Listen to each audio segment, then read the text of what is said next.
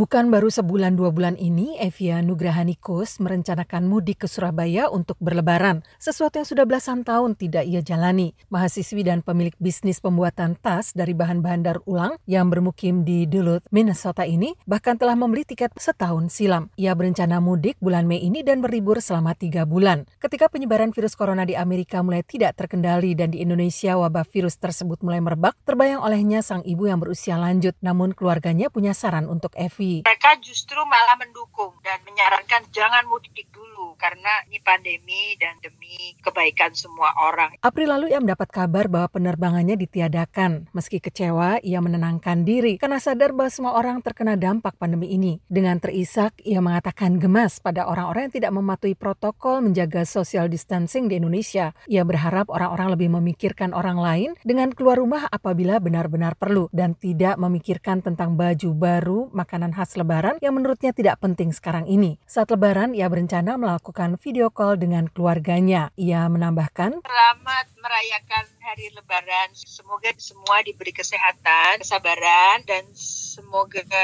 amal puasa kita diterima oleh Allah Subhanahu wa taala dan semoga kita bisa bertemu lagi bulan Ramadan tahun depan. Lain lagi kisah Mimin Amas. Sejak enam bulan silam, ia sudah menyusun rencana pulang ke Karawang dengan tiga temannya. Pada Februari lalu, mereka membeli tiket untuk keberangkatan bulan Mei dan berencana tinggal di tanah air selama lima minggu. Begitu wabah merebak dan restriksi seperti lockdown diberlakukan di berbagai tempat, warga Fairfax, Virginia ini mulai mengkhawatirkan keadaan dirinya sendiri. Pada akhir Maret, ia pun memutuskan untuk membatalkan kepulangannya. Ya, saya jadi sedih, jadinya ya keluarga sangat menunggu kedatangan saya karena dia nggak ketemu udah uh, dua tahun ya. Dia sangat kecewa saya saya batalkan dengan keadaan ini. Tapi uh, saya jelaskan lama-lama dia menyadari gitu karena nggak mau juga saya di perjalanan dengan ada sesuatu gitu. Mimin sudah menyiapkan semua keperluan lebaran di tanah air. Sebagian oleh-oleh untuk anak cucunya di Indonesia juga pakaiannya selama di sana telah ia kirimkan sejak Januari lalu. Belum lagi oleh-oleh yang ia beli untuk dibawa bersamanya kala mudik.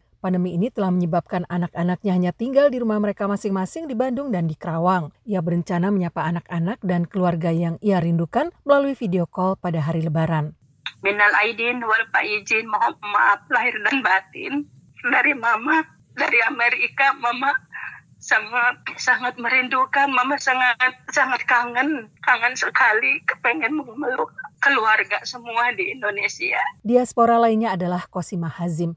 Ia berancang-ancang untuk mudik ke Cilacap Januari lalu dan membeli tiket kepulangannya pada bulan Februari. Warga Fairfax, Virginia ini sengaja mudik karena ingin bertemu ibundanya yang sedang sakit dan berencana untuk tinggal selama enam minggu di tanah air. Harapan untuk bertemu ibundanya pada hari raya ini pupus karena sang ibu meninggal dunia pada bulan Maret lalu. Wabah virus corona dan berpulangnya ibunda membuat perempuan yang berbisnis baju dan makanan ini pasrah saja ketika mendapat kabar tiket kepulangannya dibatalkan oleh maskapai penerbangannya. Anak-anaknya di Indonesia juga memintanya untuk tidak pulang karena berbagai pembatasan yang diberlakukan di Indonesia. Seraya menyatakan rencananya untuk bersilaturahmi bersama keluarga dengan video call pada hari Lebaran, ia menambahkan, Kan aku ke Lebaran buat keluarga karena aku bisa mudik gitu ya. Ya pesannya cuma jaga kesehatan, terus selamat lebaran. Insya Allah nanti kalau corona udah reda kita pulang. Dari Fairfax, Virginia, Seutami Husin juga menyampaikan selamat Idul Fitri. Mohon maaf lahir dan batin. Sampai jumpa pada kesempatan berikutnya.